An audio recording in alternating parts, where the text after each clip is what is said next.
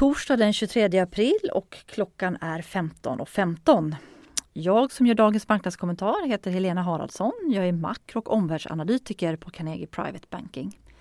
Ni kunder kan lyssna på de här poddarna vid 16 varje eftermiddag och blivande kunder på kvällen vid 21. Idag har vi sett en återhämtning, något i alla fall i oljepriset och vi har också fått mer stimulanser. Samtidigt har vi fått ursvaga konjunkturbarometrar och vi befinner oss mitt i en intensiv rapportsäsong. Hur ska investerare tänka? Stockholmsbörsen och flera andra är runt nollstrecket eller svagt ner idag. Och vi har också fått en rad svenska bolag som har rapporterat. Men bilden är lite, kanske man kan säga, förvirrande ibland. Eh, Volvo SKF, två verkstadsbolag, visade båda bättre resultat i första kvartalet och båda visade också bättre marginaler än väntat. Men Volvo-aktien faller runt 6% medan SKF-aktien stiger runt 6% Kanske gör marknaden bedömning att eh, mycket kommer bromsa kraftigt för Volvo framöver medan det för SKF ändå finns lite ljus, men stora skillnader i kursreaktioner. Även lite skillnader inom banksektorn. Häromdagen såg vi hur Handelsbanken gjorde små reserveringar för kreditförluster och Swedbank idag gjorde stora reserveringar för kreditförluster. Så lite skilda mönster ibland. Men ska man ana någon trend så kanske att det finns ett visst positivt tolkningsföreträde. Man reagerar positivt på de små glada nyheter man ser. Marknaden fokuserar också fortsatt på oljan efter den senaste tidens dramatiska rörelser. Där ju oljepriset i USA häromdagen föll under noll, det vill säga man fick betalt för att ta emot olja då lagringskapaciteten börjar ta slut. Nu har vi sett en viss återhämtning. Oljan i USA, det så kallade VTI, ligger runt 15 dollar per fat. Medan oljepriset på världsmarknaden, Brent, ligger runt 22 dollar per fat.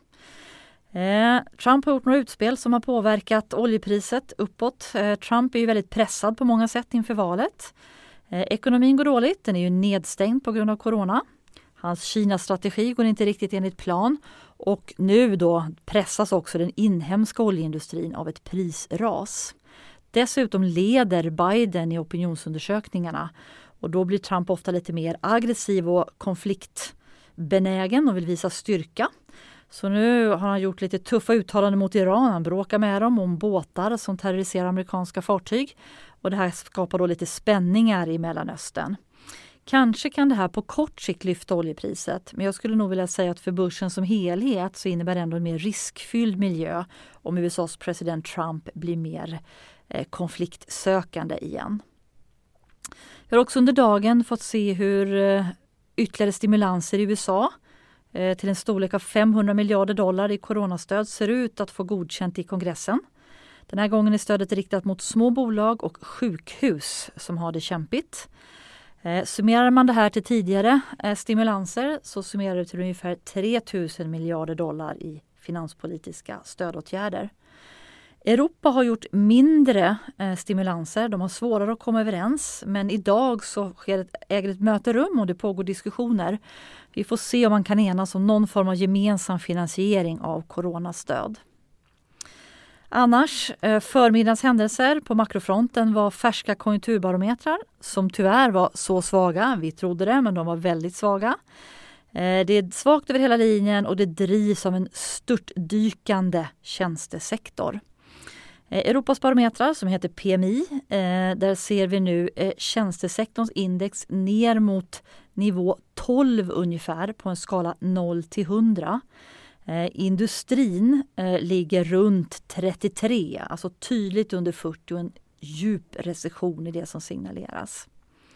Den svenska barometern från Konjunkturinstitutet, svag den också, brantaste fallet någonsin rakt igenom.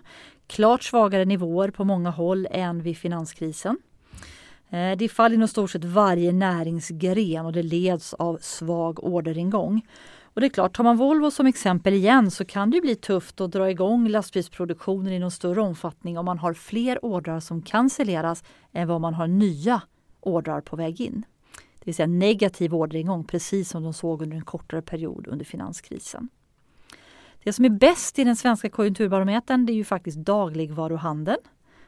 Till och med upp på indikatorn. Eh, det är ganska okej okay för bygg men också för elektronikhandel och såklart läkemedel.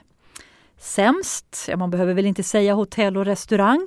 Kanske lite mer förvånande hur snabbt det faller, det är det vi ser inom maskinindustrin i verkstad. Men också en rasande och väldigt, väldigt svag efterfrågan på datakonsulter.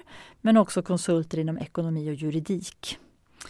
Eh, när det gäller möjligheter att höja priser så är näringslivet väldigt dystra som ser i stort sett inte någon sån möjlighet. Undantaget livsmedel, där ser vi viss pris, prisinflation och prishöjningar. Eh, hur ska man tänka framåt då som investerare? Ja, svag fundamenta gör börsen sårbar efter den rekyl vi har sett sedan slutet av mars. Eh, vi har nämnt det tidigare, men när det gäller aktier och framförallt svenska aktier så gillar vi dagligvaror och hälsovård, alltså det är lite trygga, lite mer kvalitet. Även inom ut, vår utländska aktieförvaltning så går vi mer mot kvalitet i olika regioner. Eh, när det gäller räntor så har vi också nämnt det tidigare, vi söker även där kvalitet, det tryggare segmentet av företagsobligationer och med fördel då i USA och Europa där man ser starkt centralbankstöd. Det är också så att företagsobligationsmarknaden i USA och Europa till skillnad från den nordiska är mer mogna och de har därför mindre likviditetsrisker. Eh, kanske kan en Järve börja doppa tårna i lite kreditsvagare segment, det vill säga high yield på räntemarknaden. Eh, här gör både Fed och ECB vissa lättnader. Fed köper dessutom vissa typer av high yield-obligationer. ECB gör inte det än, men det spekuleras om att det kan ligga i korten både för dem och för Riksbanken. Eh, vi har här på Carnegie Private Banking sett ett stort intresse just kring ränteplaceringar i de här tiderna. Eh, och på vårt morgonmöte idag så var hela vår interna expertis inom det här området samlad. Eh, och det är tydligt att det finns många intressanta placeringar på olika risknivåer och på olika avkastningsnivåer.